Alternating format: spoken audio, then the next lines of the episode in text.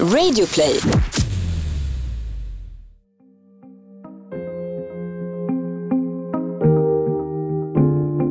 De stora nyhetshändelserna påverkar alla svenskar. Men för några av oss blir de större än så. Människor som plötsligt hamnar i dramats centrum. Den här podden är deras berättelse. Välkommen till Jag var där, en podcast av Mattias Bergman och Andreas Utterström. Sökarna ska bli en chockerande hård ungdomsfilm för de som är tonåringar 1993. Men när huvudrollsinnehavaren häktas för grova rån överträffar verkligheten dikten. Alla pratar om Sökarna, utom Musse Hasselvall. Han vill helst glömma att han varit med i filmen.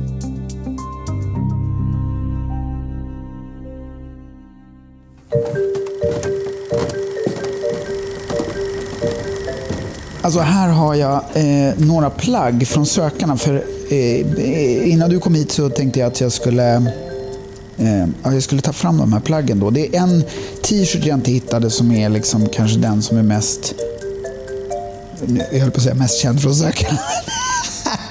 Roligt sagt.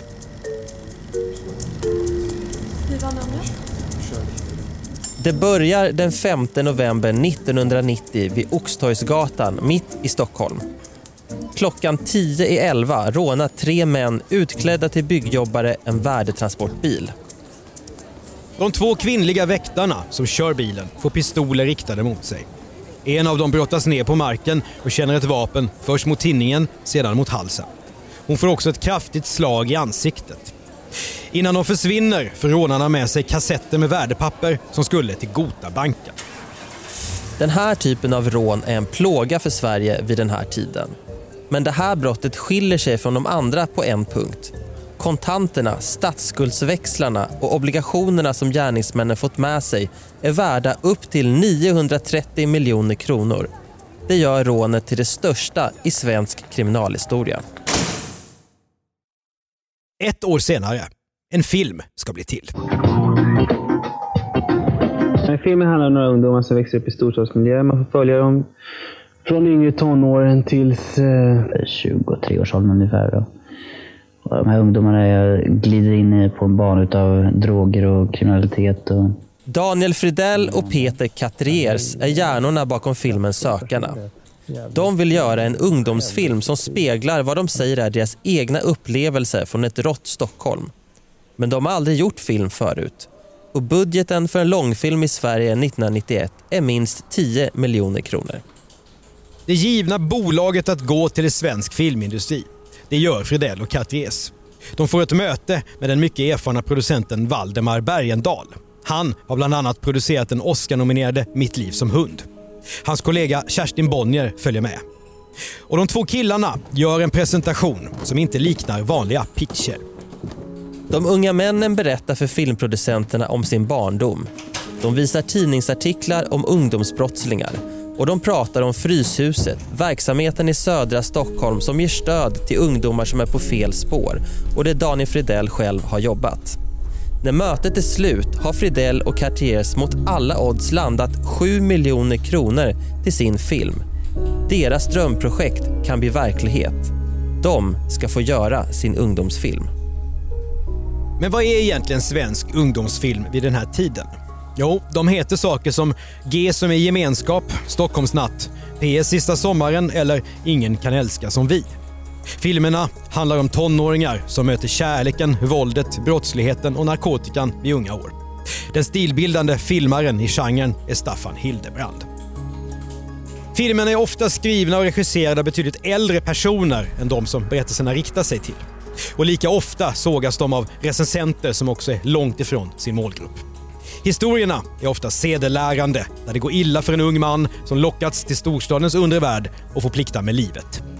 Sökarna ska också visa en mörk verklighet. Men den ska bli mer än så. En film som är som verklighetens ungdomar. Som producenten Karska Krosny berättar i en bakomfilm. Det som var mest fascinerande det var att för, för första gången så läste jag dialoger i ett manus som de personer som eh, filmen handlade om verkligen kunde använda sig utav. Därför att det som jag tycker är karaktäristiskt för dagens ungdomar är att de saknar språk. Daniel Fridell, Peter Cartiers och producenterna samlar sina krafter. Aktiebolaget Sökarna bildas för att hantera filmens finanser. En av styrelseledamöterna heter Liam Norberg. Han är 23 år gammal och ska nu skådespela i filmen. Han har haft en roll som Paolo Robertos antagonist i den tidigare ungdomsfilmen Stockholms natt. Sökarna ska handla om tre killars resa från gymnasiet in i den undre världen i Stockholm med våld, narkotika och tung brottslighet. Men om ämnet är mörkt så ska bilderna vara ljusa. Produktionsdesignen Karuska Streifert tar fram en färgskala som ska skapa en förhöjd magisk verklighet.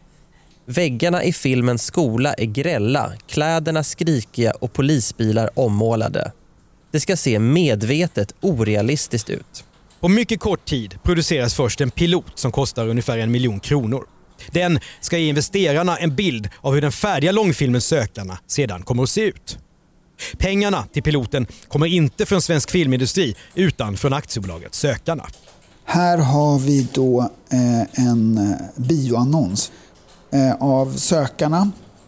Eh, eh, det är, vi ser Liam Norberg, eh, Ray och Jonas och Torsten Flink. Jag heter Musse Hasselvall och jag eh, jobbade på ett produktionsbolag som heter Jarowski då. Vi är hemma hos Musse Hasselvall. Han bor i Vasastan i Stockholm i en lägenhet belamrad av saker. En hel vägg är täckt av skor. Andra pryds av inramade brottamasker och oljemålningar. Musse har också sparat kläder från inspelningen av Sökarna trots att det var mer än 25 år sedan han hade en roll i filmen. Och sen så är det ett par illröda brallor. Ett par Levi's 501 som är liksom färgade i eh, som måste varit ganska stora på mig på den tiden. Och ett par gula också som infärgade. För att det liksom skulle vara, liksom, allting skulle vara väldigt eh, färggrant och spektakulärt på det sättet. Idag är Musse 47 år gammal. När vår berättelse om filmen Sökarna börjar är han 20. Han bor i Nacka med skilda föräldrar. Han jobbar på kontoret på tv-produktionsbolaget Jarowski. Där är han en slags allt-i-allo. Ett typiskt första jobb för den som vill in i branschen. Eh, som ung kille så var man så här att även om vi säger att man var gammal nog att gå, till, gå på liksom krogen och ta en öl så fick man ju aldrig komma in. Eh, och det fanns ju liksom ingenstans att vara på den tiden. Alltså ungdomsgårdar var ganska sällsynt. Eh, hade det funnits hade man inte varit intresserad eh, skulle jag säga. Eh, det fanns liksom en längtan efter att vara en eh, liksom en del av någonting som var spännande och roligt. Men det, liksom, det fanns inte det. Spännande och roligt sa jag precis det. Fan vad gammal jag lät där. Det liksom började eskalera och bli mer och mer liksom oprovocerat våld på stan. Så att som kille var det också liksom, var väldigt så här, medveten om att hela tiden tänka på vilka, liksom när man gick in i en vagn så liksom i tunnelbanan så var man, liksom, skannade man alltid av det. Liksom, finns det risk att det händer någonting? Så man, man tänkte väldigt mycket på... Eh, liksom, man kände sig väldigt utsatt. Musse tränar kampsport och kommer bli riktigt bra på det. Men han är ingen slagskämpe eller värsting. Musse deltar inte i de legendariska kravallerna i Kungsträdgården 1987 utan har siktet inställt på en karriär inom tv och film. 1991 går han på sommarfest i jobbet och träffar Karska Krosny, Sökarnas producent. Hon var där och sa så här, vi skulle jätte, vi håller på, jag håller på att kasta en, en film som vi ska göra eh, och det, det, är eh, två debutanter som ska regissera och eh, jag tror att du skulle passa jättebra för en roll där. Och då säger jag så här att ah, jag är inte så intresserad av att vara med framför kameran eh, men jag skulle jättegärna jobba med filmen. Musse säger nej till att spela i filmen. Han vill bli fotograf. Sidouppdrag ska inte få störa hans planer. Men när han får chansen att vara medverkande assistent på Sökarna tar han den. Medverkande assistent. En oklar titel, men det handlar om att hjälpa till att ta fram lämpliga skådespelare till rollerna.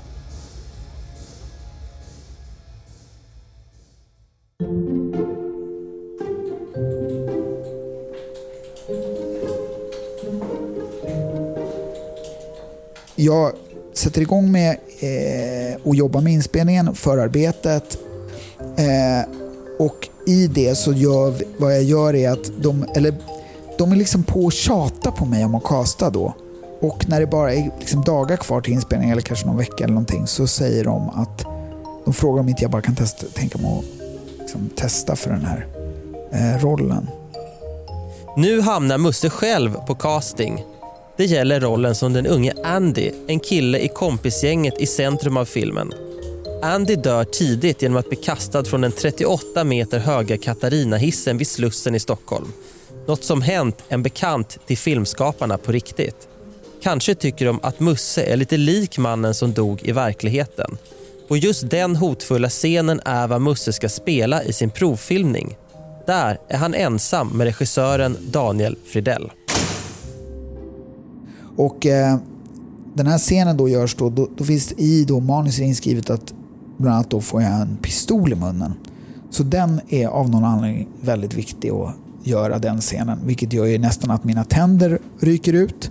Eh, och eh, vi gör den här scenen och med det Ja, det, jag, får, jag får rollen i alla fall på det här sättet. Musse är ung. Daniel Fredell är rookie. Samtidigt är ett filmprojekt inget för nybörjare. Det är som att starta ett entreprenörsbolag. Förväntningarna är höga, budgeten alltid pressad och det goda ledarskapet viktigt. Men det märks inte nu. När jag gick ut från den här provfilmningen så var jag, alltså jag, jag var väldigt illa till alltså Jag tyckte det var jäkligt oskönt. Dels tyckte jag liksom att, jag, jag tyckte att Daniel var liksom obehaglig. Jag var liksom rädd för honom. Han var liksom otroligt lynnig och liksom labil. Jag, jag, jag, jag tyckte att det var liksom oskön, den situationen. Och bara gick därifrån med liksom otroligt dålig smak i munnen. Ja, jag såklart av haft en pistol i munnen. Men det var liksom bara någonting som gjorde att det kändes jävligt obehagligt. Hur som helst, Musse har bestått provet och tackar ja. Han ska göra Andy trots att han själv tycker att han ser för ung ut. Musse har inte särskilt många repliker i filmen och det passar honom bra eftersom han inte tycker sig vara någon större skådis. Den 17 augusti 1992 startar inspelningen av Sökarna. Och det är en inspelning som inte blir lik någon annan i svensk filmhistoria.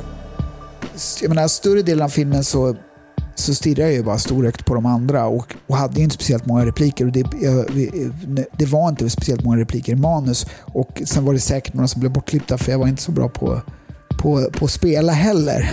Och sen regin var ganska knapphänt eh, bitvis också. Huvudrollerna i Sökarna spelas av debutanterna Liam Norberg och Ray Jones. Tillsammans med Jonas Karlsson och Torsten Flink som är mer inne i skådis-Sverige. Malou Bergman gör rollen som flickvän som blir skjuten i slutscenen.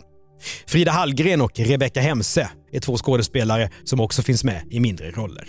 Uh, jag har fan vuxit upp med honom. Han är lugn, okej? Okay? Vadå lugn och lugn? Fan du, det här är stora prylar på gång. Musse känner ingen av de andra skådespelarna och han har inte särskilt mycket tid att lära känna dem heller.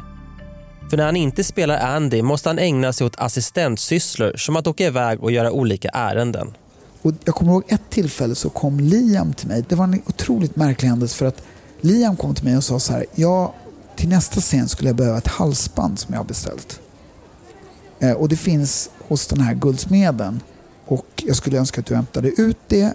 Och jag hämtade någonting helt otroligt. Alltså det var ett sånt tungt och överdrivet liksom guldhalsband som var helt det var helt sjukt faktiskt, det här halsbandet.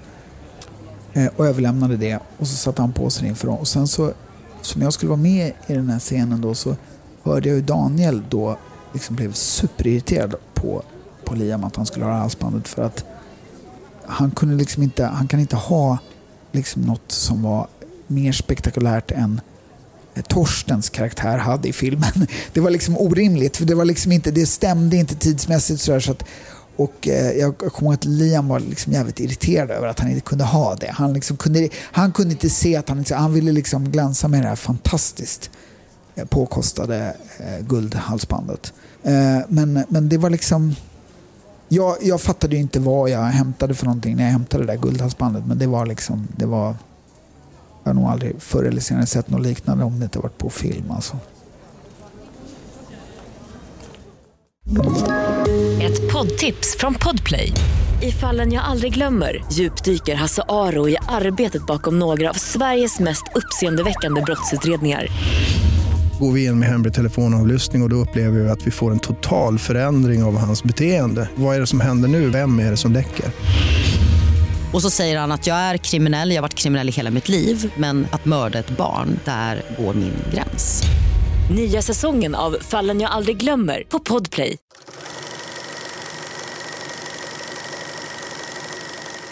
Musse Hasselvall umgås inte så mycket med de andra skådespelarna. Och över alltihop styr Daniel Fredell och Peter Cartiers. En filminspelning förenar diktatur med samarbete. Min känsla var nog hela tiden att det var jäkligt pajigt. Det var, liksom, det var en, en del av liksom de filmarbetare som var med som kanske gjorde att det fanns något litet hopp om att det skulle kunna bli bra. Eh, men, men det var mycket som kändes jäkligt tramsigt och konstruerat. Det var ju två regissörer, det var Daniel och Peter. Och Peter var en helt annan karaktär än, än Daniel. Han var liksom väldigt omtänksam många gånger och sådär. Men, men liksom behövde nog ofta förhålla sig väldigt mycket till Daniels nycker och konstigheter. Och var väl kanske liksom, ibland la locket på men också klappade medhårs och bara försökte liksom kanske dämpa vissa av de konflikter som kunde uppstå. Daniel Fredell var ju liksom en väldigt, alltså dels var ju han liksom lynnig och hade väldigt, väldigt nära till aggressivitet som jag upplevde några gånger som var, liksom, var obehaglig och som jag tyckte man, eh, jag kunde känna mig rädd för. Jag upplevde aldrig att jag var liksom rädd för Liam. En filminspelning brukar ske sammanhängande under 6-7 veckor. Om det drar ut på tiden eller segar så spräcks budgeten. Men inspelningen av Sökarna blir hackig. Fotografen byts ut flera gånger, vilket är ovanligt. Sminkavdelningen kämpar med att Liam Norberg solar solarium varje morgon vilket gör att de inte kan sköta sitt jobb och se till att han ser likadan ut genom hela filmen. Musse Hasselvall har helt enkelt hamnat i ett sammanhang han aldrig kunnat föreställa sig. Jag, jag fick ju se en del saker och eh, vi spelade in de scenerna som inspelade i den här otroligt märkliga skolan där liksom väggarna är lila och golvet är rosa och det ena med det tredje. Eh, där var det så att rektorn skulle egentligen spelas av Johan Rabaeus. Han kommer till set, han går in och tittar runt lite och säger så här, det här tänker jag absolut inte vara med på och går därifrån. Och, och jag tyckte att det var så fantastiskt roligt för att Alltså jag tycker att det är roligt för att det är konstigt att han behövde komma till set för att se att han inte skulle vara med på den här inspelningen. Han hade kunnat läsa manus. Så hade han ju kunnat, om han hade gjort det, då hade han kanske innan inte behövt komma dit och se att det här är ju riktig katastrof. Och då eh, byttes han ut då, till dagen efter. Då var Örjan Ramberg där istället och, och gjorde den här rollen. De märkliga replikerna, där ungdomar säger könsord i var och varannan mening, måste läsas ordagrant, kräver regissör Fridell. Och våldet ska också vara realistiskt.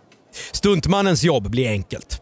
Eftersom skådespelarna håller på med olika kampsporter vet de hur de ska ge och ta emot slag.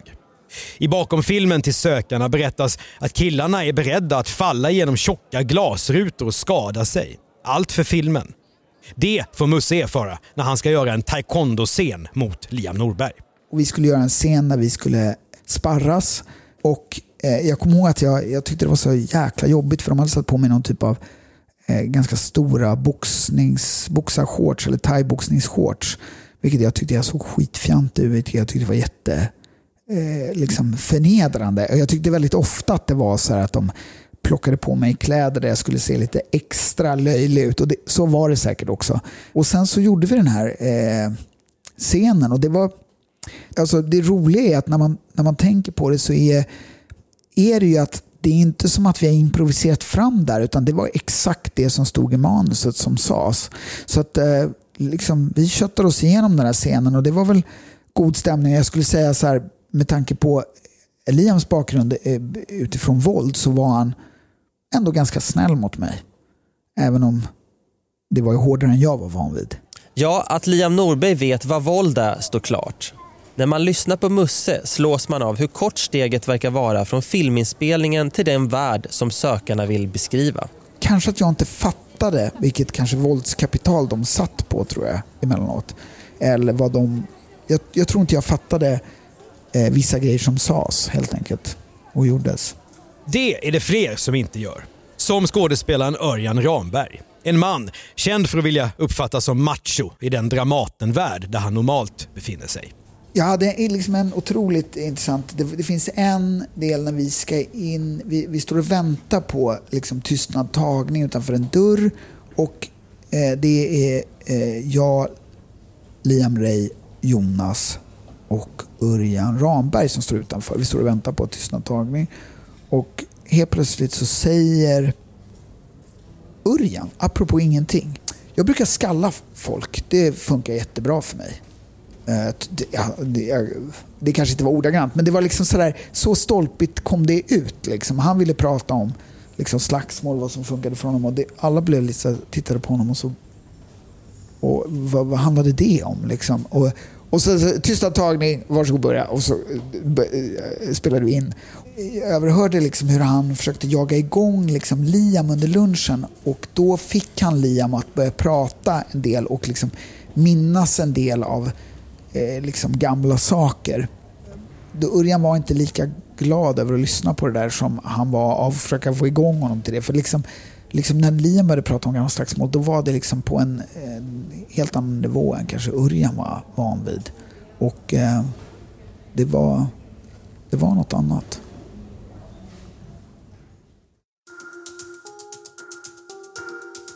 Så blir det dags för Musses nyckelscen som skådespelare dödsscenen som ska tas en lång natt vid Slussen. När vi sen kommer till inspelningen och ska göra scenen, den scenen som jag eh, castades, eller liksom prov, provfilmade med, eh, så hade jag, eftersom jag hade gått ur det där rummet med den där obehagskänslan av eh, hur den där liksom, konstiga provfilmningen gick till, så sa jag till, till, till Daniel att jag ville absolut inte eh, ha en pistol i munnen igen. Att jag, jag kommer inte vilja ha det. Och eh, eh det var ju, alltså, mm, så här i efterhand kan jag verkligen undra var jag fick det modet ifrån. Men jag var, jag var liksom så övertygad om att jag vill absolut inte utsättas för det igen. Och med att jag la fram det då så blev det jättemycket irritation över det. Det var liksom, ah, jag kommer förstöra hela Alltså Det var väldigt mycket så skuldbeläggande kring, liksom, som att det vore liksom det viktigaste på hela scenen. Men man pratade mindre med mig. Man liksom så här blev liksom, alla blev jätteirriterade över det. Närheten till hårdhet och våld följer med ända in i slutfesten på filminspelningen. Eh, mot slutet av produktionen försvann Daniel en stund. Då fick vi hela tiden höra av Peter att nej, men han eh, håller på att skriva på ett nytt manus, han är borta och sådär. Det som egentligen har hänt är att han satt för en gammal misshandel då, eh, Daniel. Och det, de, alla trodde på det här, liksom, även SF och alla liksom bara köpte den här grejen. Och jag, jag var av någon annan konstig, konstig anledning så blev jag medbjuden på, eh, vilket inte jag fattade att det var då, men någon slags muckfest på eh, Café Opera. Och då kommer jag ihåg att Daniel vi satt vid något bord och Daniel var nog liksom ganska irriterad. Man kände så här, det här kommer inte sluta bra. Vi, vi satt vid något bord och så var det en av hans kompisar då som var en av hans närmaste kompisar som jag förstår honom. Vi brukar kalla honom för Succé-Rickard tror jag. Fast det är bakom hans rygg då. Daniel verkade liksom så otroligt obrydd om huruvida någon skulle slänga ut honom eller om det skulle bli ett bråk eller men det fanns liksom folk runt där som, liksom, jag, jag minns inte om Peter var med, men det var liksom andra med där som liksom tog tag i honom och så lugnade ner sig. Men liksom, jag menar, han, han slängde i alla fall två glas öl på den här special, eller jag vill säga, förlåt, succé-Rickard. Daniel Fridell å sin sida bekräftar fängelsedomen men minns inte incidenten på Café Opera. Inspelningen avslutas och teamet sprids för vinden. Planen är att Musse ska synas ganska mycket när filmen marknadsförs, men det vill han inte längre. Det är uppenbart att den här filmen kommer att bli ett magplask. Men när den riktigt stora bomben briserar blir det en chock långt utanför filmsverige. När det kom fram att Liam äh, hade liksom rånat ihop pengar till filmen och äh, eller ja, det var kanske inte det som var planen från början, men, men eh, liksom att han var någon gammal värdetransportrånare. Ja, det, det konstiga är att jag vet, jag vet inte, jag kan inte minnas att jag reagerade på något speciellt sätt. Jag, jag tror inte att jag var förvånad, men jag var det var, alltså, men jag hade inte heller förväntat mig det. Jag, jag vet var, inte varför jag inte tog det som stor grej och det var inte som att jag heller kände någon slags skuld över att vara inblandad i den här produktionen. Jag bara, det bara gick mig förbi på något konstigt sätt. Jag läste inte speciellt mycket om vad som hände kring den grejen. Fastän jag hade jobbat med det så länge. Den 19 februari 1993 grips Liam Norberg på Arlanda flygplats. En bekant i den undre världen har kallat på honom. Han misstänks för försök till mord och grovt rån. Men åtalspunkterna ska bli flera. Den 18 mars 1993 häktas Norberg. Det är bara sex dagar innan Sökarna ska ha premiär. Samma dag talar han ut i Aftonbladet och berättar att det är han, stjärnan från den nya ungdomsfilmen, som rubrikerna handlat om. Liam Norberg anklagas för att ha försökt råna en värdetransport i Göteborg i december 1991. Bara några månader innan inspelningen av Sökarna startat. Kuppen har misslyckats. En väktare har skottskadats när han gjort motstånd med yxa. Rånarna har också slagit ner två andra personer. Filmen slutar ju med Ingen föds ond. Eh, och jag vet en, eh, ibland en del människor tycker att det liksom är som någon slags ursäkt eh, för att bete sig här. Och jag, jag skulle säga att det, är nog, det handlar nog inte om någon ursäkt för hur man beter sig och hur de beter sig i filmen. Utan jag tror att det var liksom bara ursäkten för att få göra en film. Skulle jag säga. Att det var, liksom, det var eh, någon slags idé om att visa liksom på hur illa det kan gå. Det var det man liksom sålde in projektet på för att man ville göra en häftig film. Eh, eller för att man ville göra film överhuvudtaget. På sökarnas filmaffisch poserar Liam Norberg, Jonas Karlsson, Ray Jones och Torsten Flink hårt stiliserat i svartvitt. Musse skulle egentligen ha varit med, men slipper. Liam har t-shirt och har armarna i kors så att hans biceps framhävs. Men verkligheten har överträffat dikten.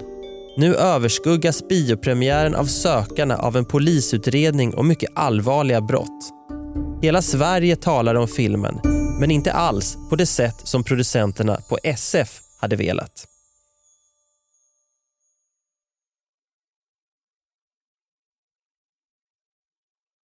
Filmen skulle visa och problematisera ungdomsbrottslighet i storstaden. Genom fallet Liam Norberg får den nu en skandalgloria runt sig. En bild som förstärks när Statens biografbyrå sett filmen och vill klippa bort några särskilt våldsamma scener. Censur. Någonting oerhört ovanligt för en film med 15-årsgräns. Fyra minuter i Sökarna försvinner. Akt 3.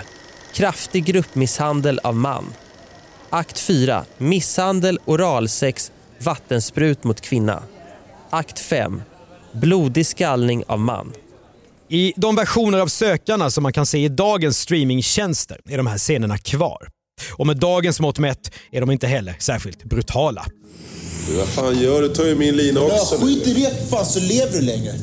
Jävla idiot alltså. De som bor på landet och går på bio för att se Sökarna får en absurd bild av Stockholms uteliv. Storstan framstår som en livsfarlig plats där man inte gärna går ut efter mörkrets inbrott.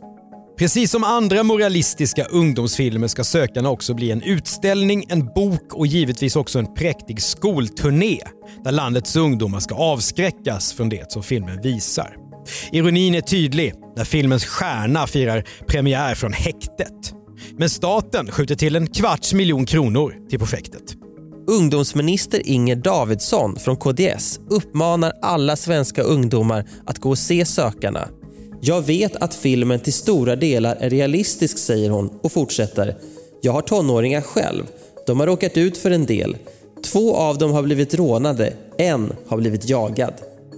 Jag upplevde det mer som att liksom, eh, Daniel och Peter ville göra en tuff film. Och jag, jag skulle säga att folk som jag har träffat som har pratat om hur de växte upp med den här filmen har ju egentligen bara sagt att de blev, ville bara vara tuffa och farliga när de såg den här filmen.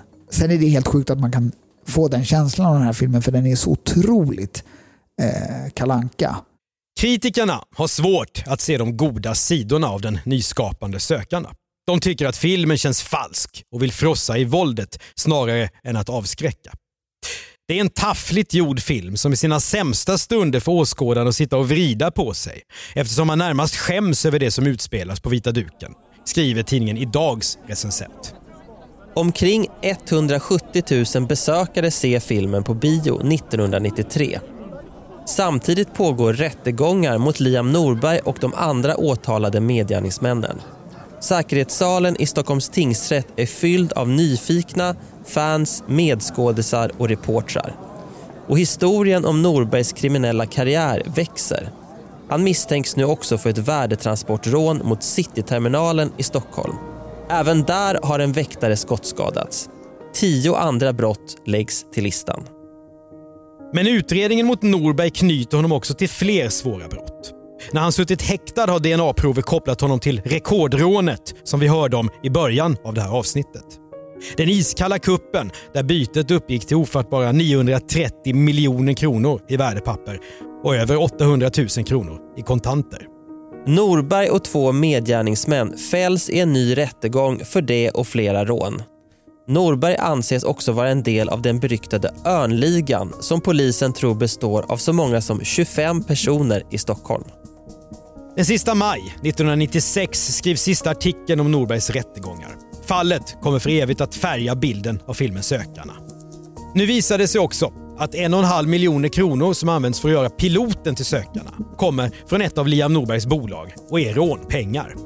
En filmkamera som används vid inspelningen och hittas vid husrannsakan hemma hos Norberg visar sig dessutom vara stulen från ett produktionsbolag. Just det.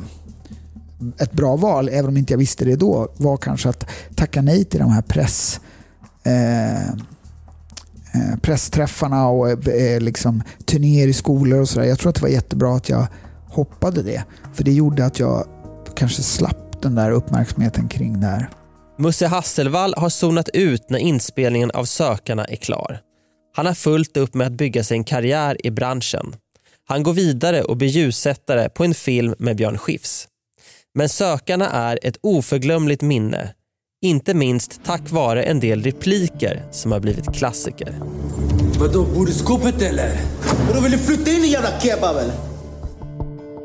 När jag, när jag såg filmen då på det här 25-årsjubileet, då såg jag hela filmen.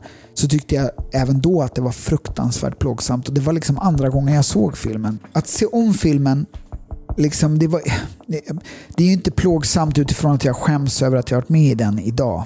Alltså, nu känns det ju bara som att det finns mycket roliga anekdoter kring den. och den är liksom nu kanske det är mer roligt att jag varit en del av det än, än, än, äh, än det var just då. Men när jag tittar på filmen, jag tycker fortfarande att den är fruktansvärt eh, tramsig. Musse Hasselvall fortsätter med film och kampsport. Idag jobbar han med TV och har bland annat gjort program för Sveriges Television och Utbildningsradion som PK-mannen. 2019 gav han ut boken Sorgen. Smärta är vekhet som lämnar kroppen. Liam Norberg avtjänar sina straff. Därefter har han inte dömts för några fler brott. I ett otal intervjuer har han berättat om hur han funnit Gud som ett sätt att gå vidare i livet. Norberg skriver också flera böcker. Peter Cartiers och Daniel Fridell har fortsatt som producenter och filmare. 25 år efter premiären av Sökarna återser Musse regissören Daniel Fridell och när de ska prata om filmen inför publik minns han scenen som han tyckte var så obehaglig att spela in. Jag var där och så fick jag komma upp på scenen och prata lite och då tänkte jag så här, nu ska jag fråga Daniel vad jag tänkte efter den där provfilmningen. Och när jag frågade, sa, sa jag till honom så här, jag hade, när jag gick ut från den här filmen, jag hade en känsla av att det var en riktig pistol vi använde. Och nu vill jag ta chansen att fråga dig det, för jag tänker här kan du inte komma undan. Och han svarade utan att tveka, vi hade bara riktiga pistoler. Du har hört ett avsnitt av Jag var där av Mattias Bergman och Andreas Utterström, exekutivproducent Jonas Lindskog. Prenumerera och betygsätt gärna podden så är det fler som hittar till den. Du kan också nå oss på jagvardar.bplus.se.